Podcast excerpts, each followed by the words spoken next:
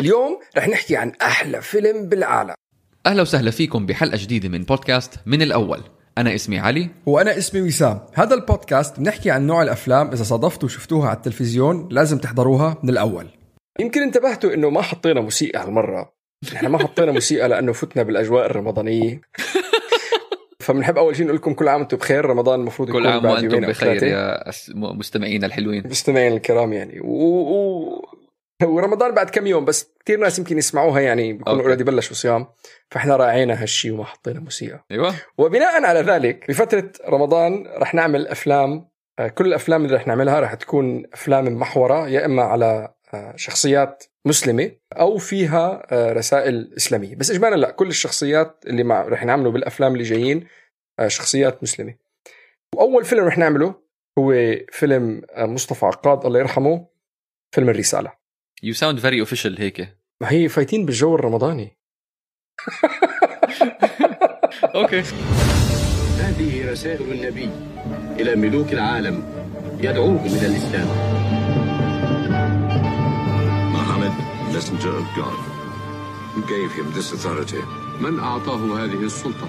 أرسله الله رحمة للعالمين. فيلم الرسالة ما شو بدنا نحكي عليه عن فيلم الرسالة؟ كتير. يمكن لازم نعتذر من الأول إنه الحلقة رح تكون أطول من العادي بس أنتم صايمين ما في شيء وراكم. غير العبادة طبعا. فاول شيء أظن أهم شيء إذا بدنا نحكي عن شغلة بنحكي عن آه، أهمية هذا العمل كعمل فني وكعمل آه، ثقافي تراثي والتأثيرات اللي عملها الفيلم على مفهومنا للدين وحبنا للسينما. 100% ما أظن في أي فيلم عربي قدر يوصل لرتبة الرسالة من ما بعرف 40 50 سنة. يعني اجى مصطفى عقاد وعمل هذا الفيلم بطريقة تصويرية كتير مشيقة بنص كتير قوي وجذاب. شرح لك قصة الرسول بطريقة كتير حلوة ولمس على كتير نقاط مهمة بقلب السيرة يمكن ما انعطت وزنها وما وما قدر أي مخرج عربي يوصل قريب عليه. يعني هذا أظن بحد ذاته إنجاز تأثير الفيلم وسام خلينا نقول وإحنا صغار. يعني أنا بتذكر يمكن هذا من أول بجوز أول فيلم عربي حضرته بحياتي. مم. وكان عندنا هالشريط ال VHS أو حتى قبليه ال Betamax يعني أنا وإخواني شخصيا كنا كتير نحضره. أعطانا زي ما حكيت أنت أعطانا قصة الرسول صلى الله عليه وسلم بطريقة مختصرة. جاب لك 23 سنة من سيرة الرسول من وقت البعثة لحديث وفاته صلى الله عليه وسلم. أعطاك هاي كلها بمختصر ثلاث ساعات ونص أربع ساعات إلا الفيلم العربي الفيلم الإنجليزي اللي هو The Message أقصر شوي. جاب لك إياها بطريقة ممتازة جذابة. بعدين لما كبرت وبلشت أقرأ إنه الناس كانوا ينتقدوا الفيلم وفي كتير ناس كانوا ينتقدوا الفيلم وفي كتير دول منعت الفيلم. الفيلم منعوه أعتقد بجميع الدول العربية و... والناس كانوا يحضروا بس مهرب وكان بتوزع الإنجليزي كان مسموح. آه مسموح. فأعطانا زي ما حكيت أنت كمان أعطانا مفهوم مبسط عن الدين الإسلامي بنى لنا علاقة مع هالشخصيات هاي مع حمزة ومع بلال ومع زيد حببنا فيهم حببنا بالسينما العربية. وقاعدين إحنا هلأ بال 2021 وامبارح وأول امبارح واللي قبله عم بحضر فيلم الرسالة ما في إشي ما في إشي يقارن بالرسالة. ما بتقدر أنت تقول والله تحط فيلم عربي مع احترامي لجميع المخرجين والممثلين والمنتجين العرب بس ما بتقدر أنت تحط فيلم عربي بجنب فيلم الرسالة وبتقول هذا الفيلم أحسن من الرسالة. إنتاجيا وتصويريا انتاجيا و... وتصوير وتصويريا وحتى تمثيليا الأداء لعبد الله غيث وحمدي غيث ومنى واصف وجميع الممثلين والممثلات بالفيلم. ولا حتى نادين لبكي و... لا أنا ما شوف أف... أنا ما مش عم بقول لك إنه أفلام حلوة هاي. أفلام جميلة جدا. أفلام ايليا. سليمان وأفلام نادين لبكي وأفلام ان ماري جاسر وحدث ولا حرج. كل الأفلام هاي أفلام ممتازة أفلام رهيبة. هاني أبو أسعد عد أنا بالنسبة لي أنا برأيي الشخصي المتواضع جدا جدا جدا. وبجوز أنا بقول لك أنا بفهمش بالأفلام. ولكن بكونه هذا البودكاست تبعنا إحنا أنا بدي أعطي رأيي. أنا حر يا أخي تبعنا أنا منصة حر، حر. هذا خذ راحتك عليه ما في ما في يا أخي ما في ما في. يعني بجوز أنت النوستالجيا الحب ال- ال- الماضي يعني حببني بالفيلم أكثر بس إذا بتطلع على ال- ال- العمل الفني. لا يقارن. فيلم الرسالة لا يقارن. وحتى شغلة تاني كمان اي ثينك نقطة لازم نعقب عليها وأهمية طريقة عمل الفيلم من ناحية نص ومش بس نص بس انتقاء المشاهد اللي بدها تنحط بقصة طويلة مطولة للرسول عليه الصلاة والسلام. يعني إذا إذا بتطلع على أي عمل انعمل عن قصة الرسول أو قصة الرجال اللي حول الرسول قد ما هي القصة كتير تقيلة وكتير مهمة. لما عملوا مسلسل عمر ما قدروا يعملوا مسلسل عمر خارج نطاق حياة الرسول وأحداث حياة الرسول. طبعا. لما عملوا كمان فيلم بلال الأنيميتد قبل كم سنة نفس الشيء القصة كانت قصة الرسول من وجهة نظر بلال. لقد ما القصة كتير كبيرة وكتير مشعبة وكتير مهمة بس اللي حلو بالموضوع إنه هذا الفيلم لما يجي يطلع على النص وكان بده يتناول القصة من آه، أسلوب قصصي بسط الموضوع كتير حتى بس مكة ومدينة. يعني قام كل التفاصيل الثانية اللي صارت بقصة الرسول اللي هي مهمة وأحداث كتير مهمة. بس عشان يقدر يطرحها بغطاء معين أو بسنترال ثيم برسالة محددة وحدة أخذ ثلاث أربع شغلات مهمين كتير أساسيين. وطرحها القصة من منطلق قريش مكة مدينة. بس وبس هون يعني حتى إذا بتطلع غزوة الخندق ما ما فات فيها لأنه ما دخلها بالمجرى العام وكان في شخصيات تانية فاتت على قصة غزوة الخندق. إذا بدك تشرح غزوة الخندق بدك تشرح الشخصيات الثانية اليهود المدينة وإلى آخره. إيه غزوة تبوك وإلى آخره. فهو. عشان يقدر بس يوصل هي الرسالة وياخذ هاي الصورة أخذ أكثر أحداث مهمة. بدر أحد صلح الحديبية فتح مكة. خلص هي القصة هون. وما قللت يعني انت لما حضرت الفيلم مع انه في كتير تفاصيل تانية حياة الرسول ما كانت مذكورة ما حسيت انه العمل كان ناقص والطريقة اللي عملوها انه اختاروا شخصية إسلامية اللي هو حمزة عم الرسول صلى الله عليه وسلم اختاروا هاي الشخصية تكون نجم الفيلم نجم القصة م. مع انه م. إحنا بسيرة الرسول صلى الله عليه وسلم حمزة ما له دور فعال صح. مثل أي أبو واحد بكر عمر عثمان بالضبط. علي في كتير أسامي تانية في كتير صح. أسامي ولكن اختاروا هالاسم لأسباب فنية لأسباب عاطفية يعني إحنا بنعرف قصة الرسول صلى الله عليه وسلم بعد ما أسلم وحشي وراح ونقل على المدينة كان الرسول ما ولا حتى بيقدر يطلع عليه لوحشي عشان قال أوه. أنت قتلت حبيبي عمي حمزة رضي الله عنه اختيار مصطفى العقاد لشخصية حمزة أعطانا بطل كلنا بنحبه آه، سني وشيعة شخصية كل حدا بحبه كل مش حدا متحيز شخصية مش متحيزة. صح شخصية آه. مش متحيزة تاريخيا عقائديا. خلص عندك هاي حمزة. وزبطت كتير الشغلة مليون بالمية زبطت بفيلم The uh, Message جابوا هالممثل اللي فايز باثنين أوسكار كان وقتها أنتوني كوين. مكسيكي. مكس أصله مكسيكي. ولعب دور حمزة. أعطى فيلم The Message تقله وأعطاه وزنه. بالغرب ببريطانيا وبأمريكا بشكل عام يعني. على سيرة أنتوني كوين آه، مثل ما العرب أنتوني أنتوني كوين. أنتوني كوين. أنا قعدت يا زلمة وأنا صغير أفوت جوجل ولا كان وقتها ياهو ولا بينج ولا مش عارف شو. يا أخي مين أنتوني كوين؟ مين أنتوني كوين؟ ما لاقيه يا زلمة أنتوني بعدين كوين. في فيلم بتذكر. عرفت إنه أنتوني كوين.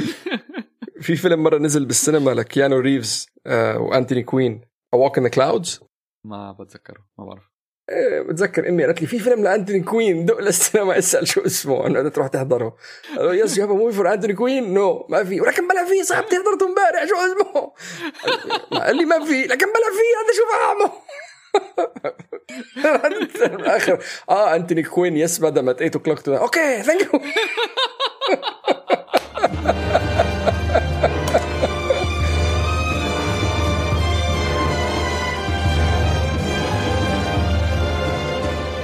عشان نحكي قصة فيلم الرسالة لازم نبدأ بقصة المخرج المرحوم مصطفى العقاد.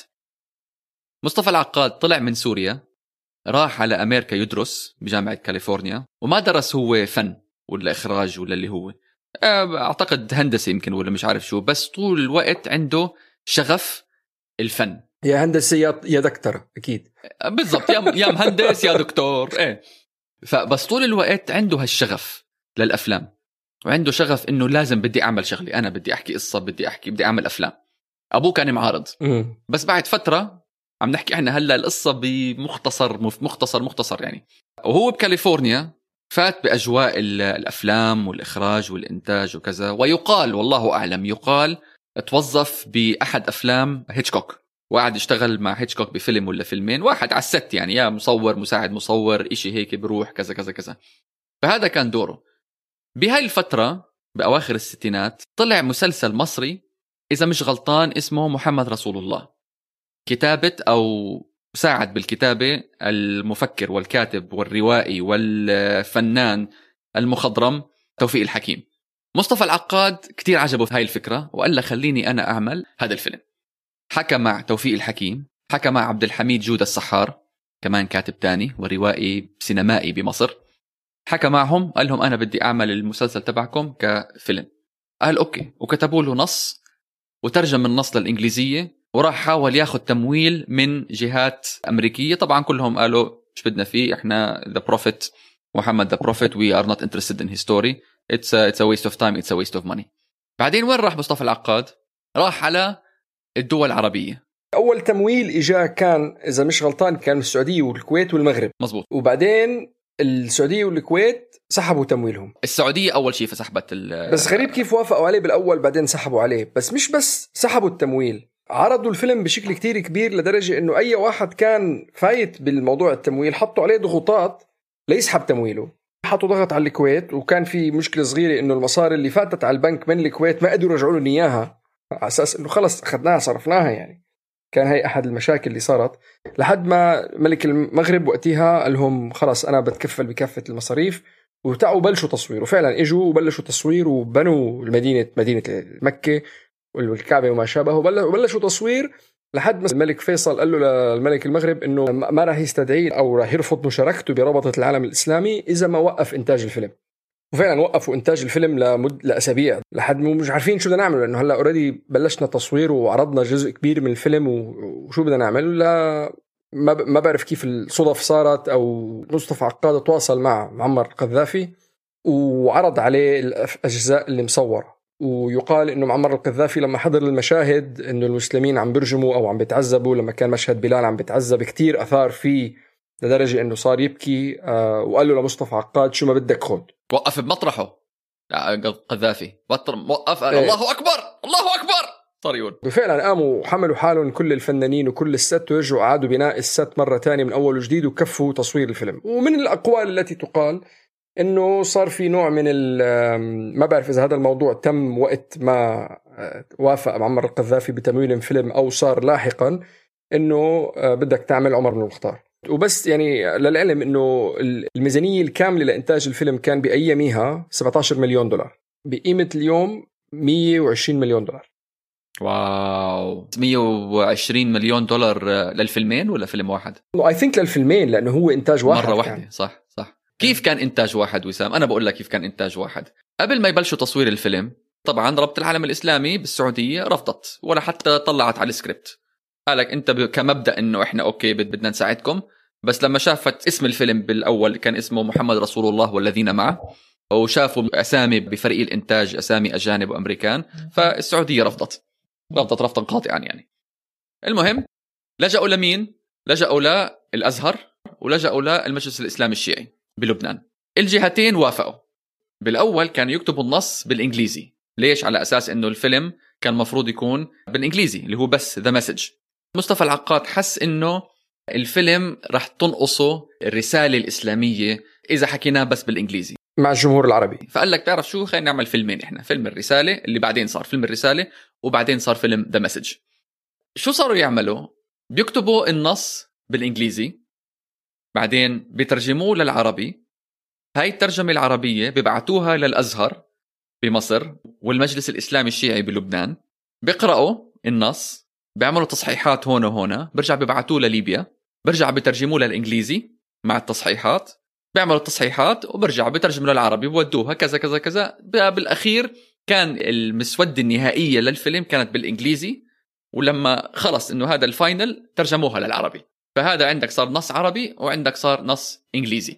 طب إنه ليه هيك عم بيعملوا يعني؟ ما خلص مرة واحدة إنجليزي ترجموا للعربي وبعدين يصححوا العربي اللي بدك تلقيه. ليش ترجع تصحح بالإنجليزي؟ صح. صح صح. ففكرت إنه يمكن مصطفى عقاد ما عنده ثقة بالكفاءة العربية لكتابة النصوص.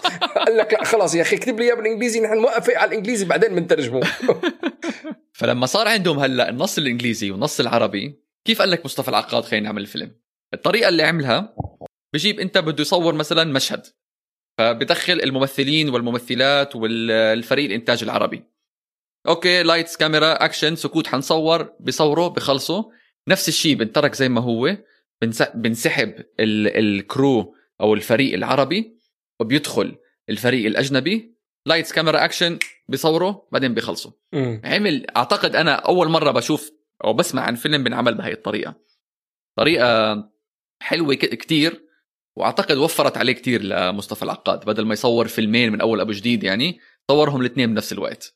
الشغلة الثانية اللي مثيرة للاهتمام هو لما كانوا عم بيمثلوا الفيلم كانوا قصدا فارقين هنين المخيم ممثلين العرب من ممثلين الأجانب. على أساس ما يحتكوا ببعضهم. كان على أساس إنه لا يمنع ال- الغيرة اللي بدها تتم سواء كان إنه أو أو أي شعور هيك بال عدم الإريحية إنه هن عم بيضاربوا على بعضهم إنه عم بيلعبوا نفس الشخصيات يقارنوا بعض يغاروا من بعض من هالباب. بس بعدين اكتشفوا هن الممثلين إنه ما ما عم بيحتكوا بعض ما عم بيشوفوا بعض وعرفوا انه هذا الموضوع كان عم بيصير قصدا وحتى بال بالدوكيومنتري اللي عملوه الوثائقي عن عملان فيلم الرساله بيقول لك آه، مصطفى عقاد الله يرحمه But here we find ourselves in a situation where two actors have to do the same scene, exactly the same scene, but with two different languages. They both are afraid of each other. At the beginning, the spirit of competition was there. And I didn't want them at the beginning to watch each other because I didn't want anybody to be influenced by another. I want every, every actor to give his own interpretation to the part. But then I found out that it was very healthy to really watch each other. And by doing so, I realized that it created such an atmosphere of cooperation. The actors were getting along together fine. They were getting together before the set and they were in, uh, viewing the part. And I thought this is exactly what I wanted to do. This people, the contact of people, understand each other and getting along fine. This is exactly the purpose of the whole film. وتعرف مثل الاهتمام أنا امبارح حضرت الفيلمين جنب بعض حلو حطيت العربي جنب الإنجليزي بشاشتين وحضرته بنفس الوقت هلا حضرته بنفس الوقت لسبب أنا كان كتير عندي فضول كبير وعلي قاعدة تمسخر علي يمكن ثلاث أربع أيام على الموضوع إنه ليش فيلم العربي أطول بنص ساعة؟ مش يعني ليش؟ وقعدنا عملنا جوجل وقعدنا عملنا search وحاولنا نلاقي عملت مقالات حاولنا نلاقي عملنا. فيديوهات. عملت انت. لا أنت ما عملت. okay أنا عمل أنا عملت جوجل وعملت بحث. حاول يعني ليش؟ ما حدا ما حدا يمكن أنا نابغة أو كتير غبي إني فكرت في الموضوع. إنه شو الفرق بيناتهم يعني؟ المثير للاهتمام إنه عن جد shot by shot يعني لما حطيتهم جنب بعضهم كذا مشهد. ال frame نفسه الناس الجمهور الكومبارس نفسه الحركات اللي عم تتحرك نفسها بس فرق الشخصية الأجنبية اللي عم تمشي أو اللي عم تحتك مثل مشهد آه، منى واصف لما كانت آه، زعلانة لما آه، حمزة قتل أبوها وأخوها وبلشت تعمل هي المناح اللي عملتها. مان بتحطهم فوق بعضهم بيركبوا بالضبط بس الم... يعني بس الوجه اللي تغير الحركات ال- النص كل الشغلات ماشية متناسقه 100% والمثير للاهتمام على موضوع ال- الفروقات معظم الفروقات اللي تمت هي أي شيء كان بلمس أقوال أشعار وطريقة تصوير مشاهد معينة. يعني مثلا بأول الفيلم لما يكون في شاعر قاعد عم بيحكي بنص السوق هي بالمشهد الأولاني بمكة. مشهد هند لما كانت قبل المعركة وبتيجي بتعطي خطاب للجنود قبل معركة أحد. وكثير أمثال تانية بياخذوا وقتهم. I wanted to do two versions, one in Arabic and one in English, with complete separate cast. Because you cannot dub Arabic into English nor English into Arabic. It's very difficult for the lips movement. And when I budgeted the film, I budgeted on the basis that the Arabic version will be extra few takes. But I was wrong. Uh, it took us much longer. And there is no way you can learn this from anybody else because this is the first time done. Because the style of acting in the Arabic is a bit different. It's more dramatic, more poetic, more lengthy. And so we had to change all our style as far as camera setups and lighting setups and so it wasn't as easy as we thought it would be. And as my lady can see, ravished to the eye. Yes. Seven lengths. Twenty dinar. Abu Sufyan's wife. Fifteen. خز من الصين يا سيدتي. ناعم الملمس. متعة للعين. نعم. سبعة أطوال. عشرون دينارا. لزوج أبي سفيان. خذيه بما شئت يا مولاتي. خمسة عشر. يعني مثلا تصوير لما كانوا المسلمين اجهروا بإسلامهم وطلعوا على شوارع مكة. المشهد العربي بحطوا نار بعدين بعد النار بحطوا الجنود. بالمشهد الإنجليزي دغري جنود بوجهن المشهد العربي بيكون هو ماشي عم بيقول تبت يد أبي لهب وتب بالانجليزي ما بيقول تبت يد أبي لهب وتب مشهد بطائف لما كانوا عم بيركضوا بالمشهد العربي بكونوا عم بيكبوا عليهم بالحجر بتلاقي واحد لابس بدلة الرقابه اللي, اللي على طرف الشاشة على اليمين. هذا المشهد- القذافي بيكون واقف عم براقب شو عم بتساوي. الرقابه الليبيه قاعد عم عم بيراقب والله يا جماعة الإنجليزي- موجود هذا نفس الشخص بالمسج ولا بس بالرسالة وسام؟ لا ما هي النقطة بالإنجليزي مش موجود بالعربي موجود. واقف عم بتفرج واحد لابس بدلة هيك يا بتطلع احضروا. فيلم الرسالة والمشهد اللي الرسول صلى الله عليه وسلم بيروح فيه على الطائف وعلى الصغار عم برجموه بال- بالحجارة وزيد عم بحاول يغطي شوفوا بش... على شاشتكم جهة اليمين واحد لابس بدلة وجاكيت وجرافي وحاطط إيديه على خصره ولا مكتف إيديه وقاعد عم بيحضر هذا المشهد بس في شغلة في مشهدين بالإنجليزي موجودين بالعربي مش موجودين أها. أها. هون أنا فتت بال... بال... بالحلو. آه. وواحد منهم مان أنا استغربت ليش مش موجود بالعربي؟ لأنه كان صراحة مشهد بالإنجليزي كتير عجبني. اللي هو قبل ما لما يروح عمرو لعند النجاشي يحكي مع النجاشي بمشهد العربي دغري أول ما يطلع من مكة بيوصل بيكون مشهد النجاشي مبلش. قاعدين بالبلاط الملك. بالنسخة الإنجليزية قبل ما يقعدوا على هذا البلاط بفوت عمر عند النجاشي والنجاشي بيرحب فيه بيقول له أهلا وسهلا فيك اللي بدك إياه بعطيك إياه. نحن أصدقاء من زمان بيرجعوا بيعززوا هاي النقطة اللي حكوها بمكة. فبيحكوا نقطتين حلوين كتير. أول نقطة بيجي بيقولوا أنا جاي لعندك لأنه في ناس هربوا من عنا. عبيد قال له عبيد استعمل كلمة عبيد. قال له أنتم رجعوا لنا عبيدنا بنرجع لكم عبيدكم.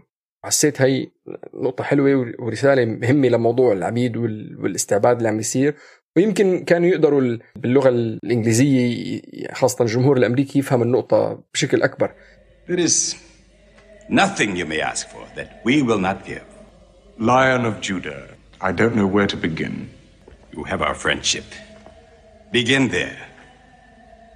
Certain runaway slaves have escaped from us into your kingdom. Slaves go back, as doubt would return our slaves to us. There are, however, some free men among them. بس النقطة الثانية اللي أهم لما يقولوا لا هدول مش عبيد هدول إجا لعندهم يعني هدول بيستعمل كلمة ثوار They are rebels in religion. At one time or another, all religions were rebellions. The bodies of slaves are of the world and within our disposal. But as Jesus Christ is our shepherd, the souls of men are his sheep. These are Arabs who have betrayed the religion of their fathers. They follow a lunatic they call a prophet. But I cannot put souls into chains without hearing them. ويمكن أنا حسيت هاي النقطة ما بعرف إذا هن حسوها ما بتضيف للرسائل اللي موجودة بال آه، بالفيلم العربي أو تحفظوا إنه يذكروا موضوع إنه الرسول عليه الصلاة والسلام كان ثائر والناس اللي حواليهم كانوا ثوار والأنبياء كلياتهم كانوا ثوار فقال لك بلا طول صير وبلا مشاكل كتير اقطع المشهد كليا وشغلة تانية كمان ظريفة بالمشهد الإنجليزي هو النصوص اختلفت. لما كانوا عم بيعملوا المونتاج بمكة بعد صلح الحديبية وكانوا عم بيعلموا المسلمين آه، أقوال وأحاديث وما شابه. في شغلة واحدة بالإنجليزي ما انذكرت. هلأ بالعربي انذكروا كلياتهم بالإنجليزي إلى حد ما بس في رسالتين معينين بالإنجليزي كانوا محطوطين بالعربي ما كانوا محطوطين. واحدة منهم كانت قول بالإنجليزي بيقولوا بيقولوا إنه The ink of a scholar is holier than the blood of a martyr. A man reading is handsome in the sight of God. So learn to read. And when you have learned, teach. وبآخر هذا المشهد كمان شيء كتير عجبني أنا إنه بيكون واحد من الصحابة عم بيحكي إنه الرسول آه، رجل You must not think of Muhammad as more than a man. He was collecting firewood one day. Let me do it, I said. Why? He said. You are the prophet of God. You can't go round scratching for firewood. But he looked at me, mumbling. God does not like the man who considers himself above other men, he said. هذا بدي اسالك اياه وسام خصوصا اللي ال- المشاهد اللي موجوده بالعربي ومش موجوده بالانجليزي ليش فكرك ما حطوها بذا مسج هلا ال... ف- شوف في شغلات أنا I think ما حطوها لأنه ما كانت منطقية انه إنه تنحط. يعني مثلا واحد من المشاهد sorry ما ذكرته أول مشهد لما بالأول يجي يسد دينه وبالآخر بيقول له إنه لا الربا عندك عم بتضاعف أعطيني ابنك. هذا أول مشهد بالأول. ما حطوا موضوع الربا. ما. محطوط بالإنجليزي. okay okay okay. هلا أنا I think السبب ليش ما فاتوا في في شغلات بالإنجليزي يعني بدك تفوت فيها بدك تخوض فيها كتير معقدة. I think كثير من المشاهد اللي اللي انحطت بواحد ما انحط بالثاني حطوا بعين الاعتبار واحدة من الشغلتين مثل ما مثل ما ذكرت يا إما إنه إذا بدنا نفوت بهالموضوع كتير طويل كتير معقد م. الجمهور الإنجليزي أو العربي ما راح يستوعبه أو مثل ما حكيت أنا إنه تحفظا آه. ما بدنا نعمل مشاكل مع الناس بلا للمشهد لا يكفي كيف؟ قد دفعت أضعاف ديني أنا أسدد منذ خمسة أعوام ألا تفهم الربا يتضاعف. يتضاعف. طلع الفيلم بسنة 1976 وانعرض لأول مرة ب زي ما حكينا ب the West End والإقبال جيد يعني من نقاد الأفلام وبأمريكا كمان انعرض. ولكن لم يعرض بأي سينما عربية. أعتقد بس بليبيا انعرض يمكن إذا مش غلطان. بس ولا سينما عربية انعرض فيه الفيلم. وطبعا زي ما حكينا كنا نحضره الشريط المهرب ولا شو ما بدك تسميه. لحديد بال 2018 صح. بال 2018 إجت شركة إماراتية ترانس كاس إذا مش غلطان اسمها قالت خلينا نعمل remastering للفيلم ونعمله 4K وفعلا بال 2018 انشال المنع من كل السينمات العربية ومنها السينما السعودية لما بدأ بدأت السينما تشتغل بالسعودية. أول فيلم عرضوه هناك هو فيلم الرسالة. وهنا بنفوت بموضوع تاني وسام عن ال- الإشاعات اللي طلعت بالسبعينات وبالثمانينات عن الفيلم وهو الفيلم عم بنعمل وبعد ما انعمل كمان. بالتسعينات يعني أنت بالأول لما إجيت حكيت إنه أنت الفيلم حضرته بالبيت أنا الفيلم نحن عندنا بالبيت كان ممنوع. ليه؟ أنا بتذكر أمي يعني أمي كانت كتير فايتة بالجو يعني الأخبار وال tabloids. حتى بتذكر يعني قالت إنه كيف يعني جايبين أنتوني كوين يلعب دور الرسول بياخذ shot ويسكي يعني وبنزل بيحكي حديث. مع إنه هذا الشيء ما كان موجود. حتى بتذكر بالمدرسة بالتسعينات كانت كنت تسمع يعني إنه عم بيحكوا عن قصة الرسالة وكيف جابوا وكيف مثلوا الرسول وكيف مع إنه هذا كله أشاعات كانت عم حكي فاضي. تن- تنفلت بين الناس وما ما تكذبت يعني. وحتى أنا للعلم لما حضرته فيلم The Message اللي هو الإنجليزي النسخة الإنجليزية اللي كانت مسموحة فعلا أنا فتت لما شفت صورة أنتوني كوين على الصورة توقعت انه إنه آه هذا الرسول. يعني أنا ما كنت مستوعب إنه هو مش الرسول هو حمزة. أنت خلص ثبتت على حالك أنتوني كوين ها؟ خلاص، هلا إيه هلا رح تمشي دائما. This is a thing we will use it always يعني. أنتوني كوين حنعمل وراس ال crew يعني هدول لازم أيوة. يضلوا. ود- ودنزل على واشنطن. إيه، إيه، مات ديمن الله يرحمه عرفت الله هدول تعيش يعني. أخوي تعيش. براد بيت يعني هدول لازم يضلوا. These are our signatures. وكان في كان في كمان آه، إشاعة تانية. وهو عم بنعمل الفيلم أو حتى قبل ما ينعمل. الممثل الأمريكي تشارلتون هيستون اللي لعب كمان دور بفيلم قديم دور إذا مش غلطان سيدنا موسى. وقالوا إنه تشارلتون هيستون حيلعب دور الرسول عليه الصلاة والسلام. وطلعت أول واحد نفاها تشارلتون هيستون وثاني واحد نفاها مصطفى العقاد. هذا أحد الشغلات اللي كتير كانت مثيرة للاهتمام. إنه هو الفيلم كان ممنوع لحد 2018 والشيء الثاني اللي كمان مثير للاهتمام إنه الأزهر الشريف. اللي هن وافقوا على الفيلم وساهموا بكتابة الفيلم. يعني قعدوا استثمروا مجهود ليكتبوا الفيلم ويكونوا جزء من العمل الفني. بعد ما طلع الفيلم رجعوا نكروه. طب إنه ولعقود. بس شغلة تاني قبل ما نفوت لهي النقطة. كمان في شغلات كتيرة لما كنا عم نقرأ عن الفيلم متضاربة. يعني مثلا أحد الشغلات قال لك إنه هو يغير الاسم وكلفه خمسين ألف دولار. بالمقال العربي اللي بعت لي علي قالوا إنه السبب ليش هو غيره بعد ما عرضوا الفيلم ب West End بلندن إجوا مسلمين عم بيبكوا لعند مصطفى العقاد وكان عيني عيناهم غامرتان بالدمع يقولون لمصطفى عقاد إنه ما تحط اسم الرسول على ال poster لأنه بالسينمات الأجنبية بيكون أو بالبارات أو بالحانات أو ما بعرف شو الناس قاعدة واسم الرسول محطوط على الحيط.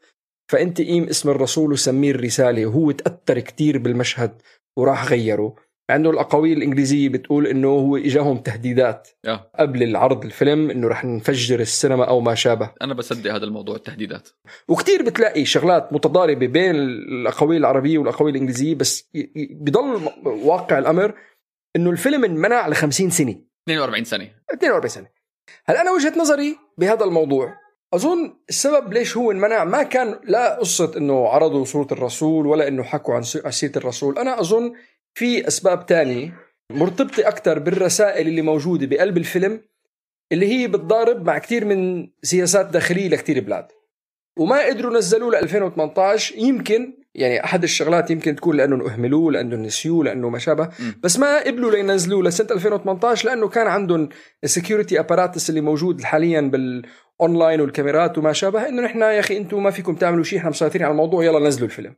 أنا مش معك بالموضوع. أنا بس من عندي إنه أعتقد إهمال من وزاره الثقافة العربية بشكل عام إنه آه، خلص يا عمي إحنا منعنا هالفيلم بالسبعينات والعالم نسيوه والعالم حضروا وعندهم أشرطة وعندهم كل شيء مش مهم ننزله يعني. مش مش حيأثر علينا لا سلبا ولا ايجابا إنه إذا نزلناه ولا لا إذا شلنا المنع يعني. ناس حاضرينه حاضرينه يعني مثلا أحد الشغلات اللي كان كتير واضح بالفيلم كتير حلو ومثل ما أنا قلت بأول الحلقة إنه في أفكار آه، بالعقيدة الإسلامية وبطريقة انتشار الإسلام كتير مهمة وكتير يعني مذكورة بالتاريخ بس يمكن ما بنعطى لها الوزن أو ما حدا بيحكي فيها بالطريقة اللي لازم ينحكى فيها. وهذا الفيلم اتطرق له اللي هي موضوع الاحتكار اللي صار من قبل قريش على الكعبة وعلى مكة وهنين كان هذا مركز مالي مهم جدا. وأحد الشغلات اللي هنين كانوا ضد أنه الرسول يفشي رسالته كان الموضوع موضوع اقتصادي. وشغلات تانية أظن كمان بالمجتمع الشرقي إجمالا خاصة بالسبعينات والثمانينات والتسعينات. أنا ما بدي أقول السعودية آه المجتمع الشرقي كله. الرسائل كتير جميلة وكتير حلوة وكتير واضحة محطوطة بالفيلم خاصة على موضوع وقت البنات وعلى موضوع حقوق المرأة وتوريث المرأة والمرأة مثل كذا مشهد بيحكوا عنه. بالحبشة حكوها. وبعدين لما إجوا بال لما إجوا بلش الرسول صلى الله عليه وسلم يطلع إنه عم بيطلع أحكام للدنيا وحتى بيقولها بالإنجليزي بيقولها بطريقة حلوة لأنه بتعمل منطقية بيقول له his rights and our wrongs. كتير بيركز على موضوع المساواة بين الناس وما في حدا أحسن من حدا ونحن كلياتنا مثل بعضنا وكل هدول الرسائل الإسلامية نحن كلياتنا بنعرفها وبنؤمن فيها بس إذا بتطلع على واقع الأمر لا تطبق. بقلب المجتمع تبعنا كله فيه عنصرية وكله فيه طبقات. أنا أظن هدول هن الرسائل اللي موجودين بقلب الفيلم معروضين بطريقة كتير حلوة تضربت مع كتير سياسات داخلية لكتير بلاد ولكن إحنا ما بدنا نفوت بهالموضوع. وقفوا لنا الفيلم تحت إشاعة إنه الرسول مفرجه وجهه وعفونا من القصة. أنا هيك أنا هيك حسيت. هلا أفكار تانية كتير حلوة بالفيلم. هي أخلاق الرسول عليه الصلاة والسلام. انه بيسلم على الجميع هو ماشي الصادق الأمين بيبتسم بوجه الجميع. يعني في كذا مرة بيحكوها. وفعلا يعني كلهم هدول الشغلات مثل ما قلت نحن بنعرفهم عن ديننا بنعرفهم عن الرسول عليه الصلاة والسلام بس ما ما بعرف ما ما شعرتهم أو ما حسيتهم. أو يمكن لما تحضرهم وترجع تقارن بكثير من مجتمعاتنا تصير تقول يا زلمة يعني بتذكر أنا عشت سنة بأمريكا بمسيسيبي يا زلمة ما بتروح محل إلا من الناس كلها بتسلم عليك بالشارع. أول ما وصلت على البلد فكرت حالي مشهور يا زلمة قد ما الناس عم تسلم علي. قلت هدول مشابهين علي بشبه براد بيت أو مات ديمن عرفت إنه ليش كل الناس عم بتسلم علي يعني؟ شغلة ثانية beautiful أنا كتير كتير كتير كتير كتير عجبتني. أبو سفيان عنده مشكلة كان ومش أبو سفيان كفار قريش كلهم كانوا عندهم مشكلة وذكروها بمشهدين قويين كتير اللي هو مشكلتهم كانت إنه الرسول عليه الصلاة والسلام كان راعي غنم. يعني هي بتشوف عزة النفس النار اللي عندهم إياها إنه هو راعي غنم. وبيعيدوها كذا مرة بالفيلم. يعني أول مشهد ذكروها لما راحوا عند النجاشي. محمد عرفناه يتيما يرعى الغنم. والمسيح كان نجارا في أرض الجليل. وعدوها كمان بآخر الفيلم أبو سفيان قبل ما يسلم حتى لحديد قبل ما يسلم. ماذا أقول؟ هزمت وغلبني على أمري راعي أغنام في مكة. أم أقول إنه دينه؟ الذي بدأ برجل وغلامين وامرأة. إيه لما يحكي مع خالد الوديع بيقول لك هزمت من راعي وديع. أغنام من مكة. وليد مش وديع. هذاك أبو وديع. خالد الوديع. ما خليك بجو رمضان يعني. لو سمحت. مان هذا هدول هدول المشاهد كتير كتير عجبوني. مشكلتهم بالرسول كان إنه هو راعي غنم يعني إنه حتى لو عم بيعطيهم شيء جوا أنا مش مستعد اتسمى عليك لأني أنا أحسن منك. تعرف شغلة وسام؟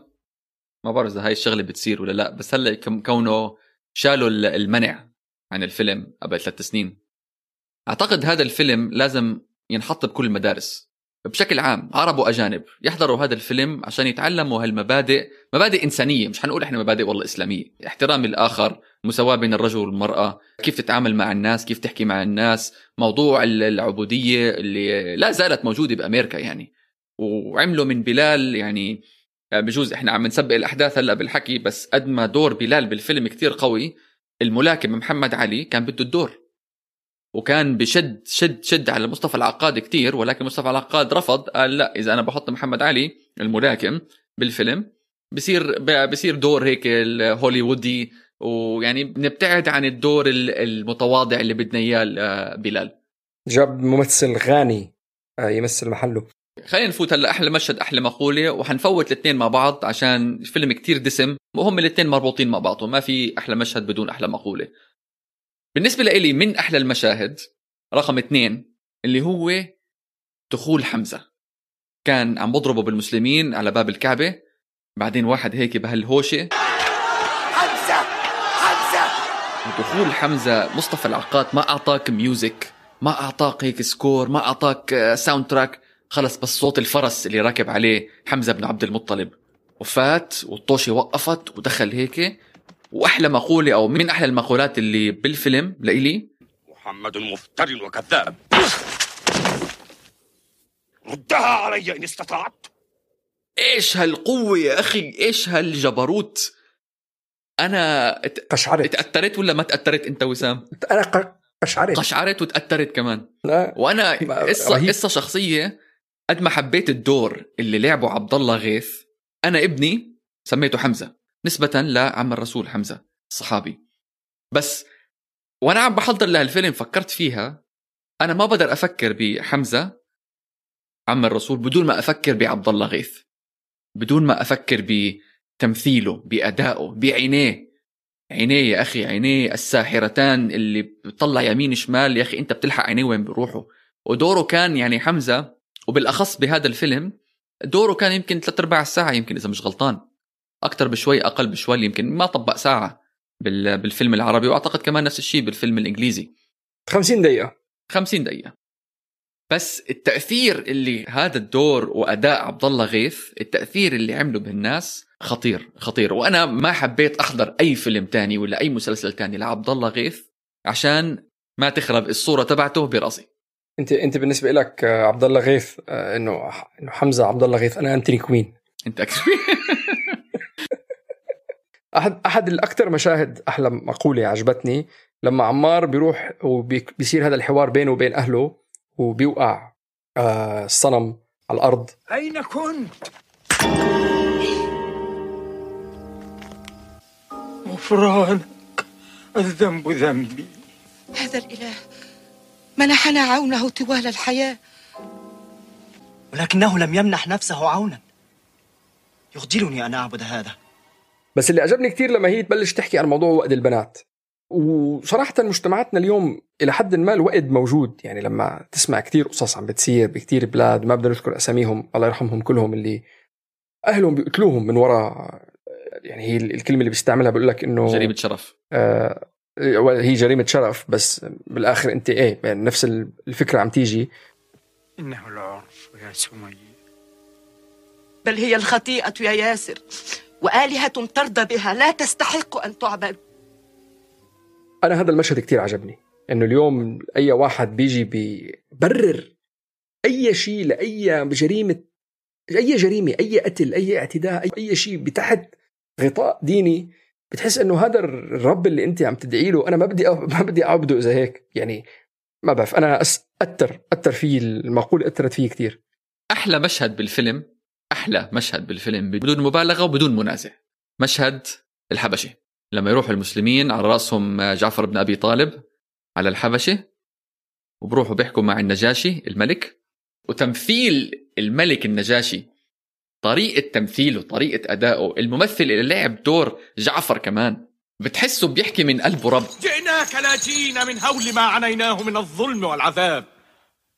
قال لنا محمد اذهبوا إلى الحبشة فإن بها ملكا لا يظلم عنده أحد وبعد هداك آه، عمرو بن العاص يحاول يغير عقل عم بشوف النجاشي عم بغير عقله هيك شوي شوي عم بفكر يغير فكره وبيجي عمرو بن العاص بفوت من هون وعبد عمرو بن العاص معروف يعني رجل سياسي محنك داهية داهية سياسية رجل خطير خطير رسول الله أين هي معجزاته يا جعفر؟ هل يرقى إلى السماء؟ هل مشى فوق الماء؟ هل شفى المرضى أو وهب العميان البصر؟ هل أحيا الموتى؟ أين هي معجزاته يا جعفر؟ لإلي أحلى مقولة من هالمشهد اللي لما نزل لما خلص جعفر بن أبي طالب حكيه ونزل له الملك ووقف قدامه ورسم له خط على الأرض ليس بين ديننا ودينكم أكثر من هذا الخط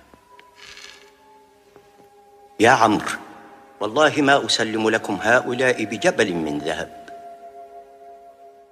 كيف ببلش المشهد؟ يعني حتى كمان جمال النص اللي موجود فيه. لما كلياتهم ركعوا وهن ما ركعوا. صح.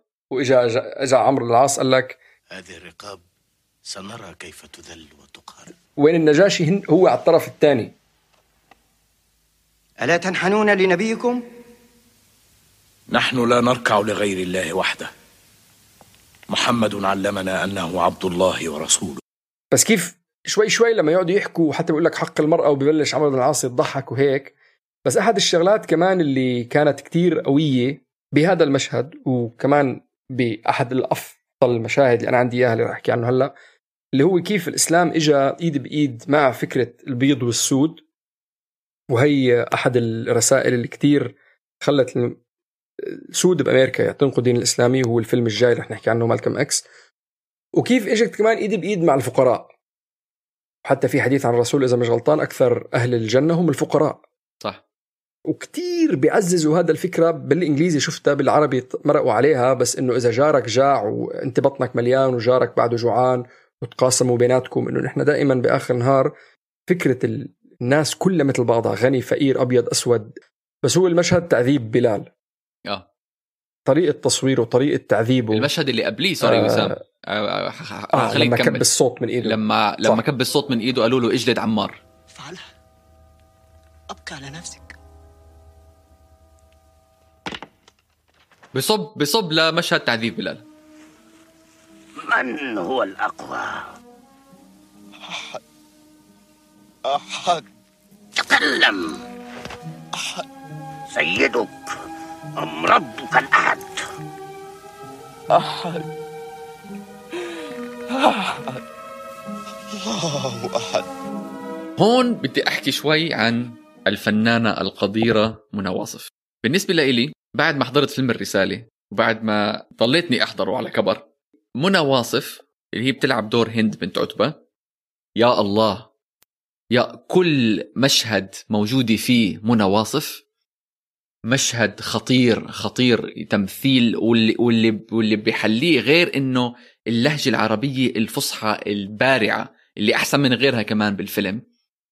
عينيها وطريقة تمثيلها وطريقة جبروتها كيف هي لعبت دور جبروت هند بنت عتبة والقوة اللي هي وراها وهي زوجة أبو سفيان اللي هو كان إلى حد كبير قائد قريش قائد أسياد قريش. وهي يعني ذا كوين هي الملكة تبعت قريش يعني فيك تقول. في مشهدين لمنى واصف. أول مشهد لما بعد غزوة بدر وبعد ما يموت أبوها وعمها وأخوها وبتقعد هي بتقعد تصوت. حمزة! سأصيدك يا صائد الأسود. عندما تموت سأمزقك. والله العظيم وسام إذا هذا الفيلم كان مرشح لجوائز آه، أوسكار كان يمكن يمكن فازت منى واصف. من وراء هذا المشهد. والمشهد الثاني اللي هو كان عاد الحفله اللي عاملينها قبل غزوة أحد والحفله اللي عاملينها كما كانوا قريش بعدين فات وحشي وعم بيعمل ال- بال- بالسهم تبعه. الطريقة اللي طلعت فيها على وحشي وبس ما طلعت على أي حد تاني ماشي بين الناس وبس عم تطلع على وحشي. عينيها اللي حكوا؟ بعدين مسكت إيده. مم. سأعتقك وأعطيك وزنك فضة مقابل رمية كهذه. طب أسألك سؤال. منى واصف بهذا الفيلم ولا منى واصف بدور المشعوذة باب الحرم بالله عليك. بالله شاركت بالتمثيل حلقة أو حلقتين كانت مشعوذة بالله عليك. أي واحد أشعرك أكثر خليني أفتحه على اليوتيوب وأشوفه أقول لك. ومشهد كمان إسلام خالد كمان أنا وأنا صغير حبيته كتير. عشان وأنا صغير سامع قصص خالد الوليد وفتوحات والفارس المغوار وسيف الله المسلول. وأنا صغير لما شفت المشهد هذا إنه إسلام خالد كتير انبسطت وأشعر بدني. صح. واللي بيجيبنا لآخر مشهد كمان اللي فيه بلال وأبو سفيان وخالد بن الوليد رضي الله عنهم أجمعين. آه، قبل ما قبل ما يفوتوا قبل فتح مكة. وبفوت أبو سفيان بفوت على الخيمة عند الرسول صلى الله عليه وسلم. خالد بيقول له طب يعني لساتك أنت عندك شايف حالك. بس بلال بحكي له كلمة لأبو سفيان. أيها العبد الأسود أنت مثل أعلى. أنا لست إلا ما أعطاني ربي. آخر مشهد كمان كتير جميل. هو لما وقت فتح مكة وتكون هند جنب أبو سفيان وتقول إنه هو ما عم بيهد البيوت. قد وفى بوعده. لم يقتحموا بابا واحدا. إنه يستولي على القلوب لا الجدران. وهذا هو النصر. عرفت عن طريق النت في شغلتين ما ذكرناهم بالأول. عرفت عن طريق النت؟ إنه الفيلم كان مرشح لأوسكار واحد اللي هو أحلى موسيقى وخسر لفيلم Star Wars اسمه موريس جار فرنسي. ال composer. والعقاد بهوليوود اسمه أبو أفلام الهالوين. صح. هاي نقطة مثيرة the father of Halloween movies 20 فيلم رعب لهالوين اللي انعمل كان مصطفى كان مصطفى عقاد هو المنتج المنفذ تبعه صح صح مزبوط هذا هذا شو اسمه؟ هذا في ثلاثة. وكل واحد بجهة. مم. الراقصة هلأ مش متأكد يا هي الراقصة قبل غزوة بدر أو الراقصة اللي بترقص للوحشي قبل غزوة أحد. مم. هذه الراقصة تسمى فيفي عبده. آه والله آه. هاي واحدة منهم مش متأكد أي واحدة بس واحدة منهم. إيه. في موقع السينما dot com آه، فتت عليه هيك عمل شوية research وفيفي عبده مكتوب فيه. الثاني دور عمرو بن العاص. مين بيلعبه؟ عرفته. أنت؟ لا. بوقته ما شاء الله عليه كان الرجل الوسيم الممثل الوسيم. ممثل اسمه محمد وفيق. محمد وفيق لعب دور عزيز الجبالي بمسلسل رأفت الهجان. هو كان بيحكي القصة كلها ليسرى آه. والله nice catch علي آه. nice catch لقطة والثالث أنت علي أنت أنت دقيق. دقيق. والثالث بعد فتح مكة كمان وبلال بتسلق على على الكعبة وبيطلع يأذن. هذا مش صوت الممثل. هذا صوت القارئ المرحوم الله يرحمه عبد الباسط عبد الصمد nice هو اللي عمل الأذان بيزبط مسلسل نتفليكس وبيزبط بس مش. نتفليكس يا أخي هو مسلسل تلفزيوني يعني مش نتفليكس آه. مش تلفزيوني بس آه إذا انعمل بالإنتاج حرام, حرام كله نتفليكس حرام إيه بس إذا انعمل بالإنتاج الصحيح وللعلم الفيلم على نتفليكس آه. آه.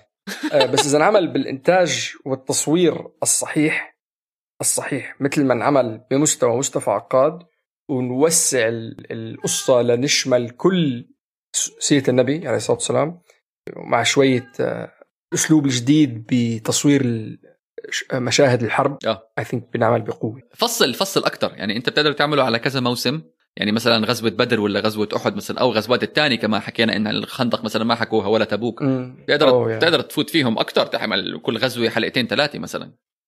مين فاز بالفيلم؟ مصطفى عقاد. الله يرحمه. الله يرحمه. للي ما بيعرف مصطفى العقاد توفى الله يرحمه ويعفي عنه إن شاء الله توفى بتفجيرات آه، الإرهابية اللي صارت بالأردن بال 2005 ب 9 11 2005 وكان هناك بالأردن بأحد الفنادق بده يقابل بنته اللي صار له زمان مش شايفها. ولما فاتت بنته على اللوبي تبعت ال- الفندق وهو كان بيستناه هناك ووقف يستقبلها صار التفجير. بنته كان عمرها 34 سنة. ومصطفى العقاد إذا مش غلطان كان بالستينات أو بالسبعينات كان عمره. الله يرحمه ويعفي عنه. هو حياته كلها ال- ال- الفنية عمل ثلاث أفلام أخرج ثلاث أفلام الرسالة و The Message وأسد الصحراء تبع عمر المختار.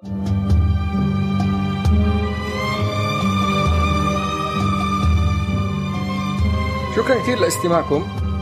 نرجو أن تكون الحلقة عجبتكم. فيكم تتابعونا على جميع منصات البودكاست أبل جوجل سبوتيفاي أنغامي ديزر أو من وين ما بتحبوا تسمعوا البودكاست تبعتكم. وبتقدروا تتابعونا على إنستغرام على حساب من الأول. عندكم أي آراء أي مقترحات أي شكاوي بتحبوا توجهوا لنا إحنا بنحب نسمع آرائكم ومقترحاتكم.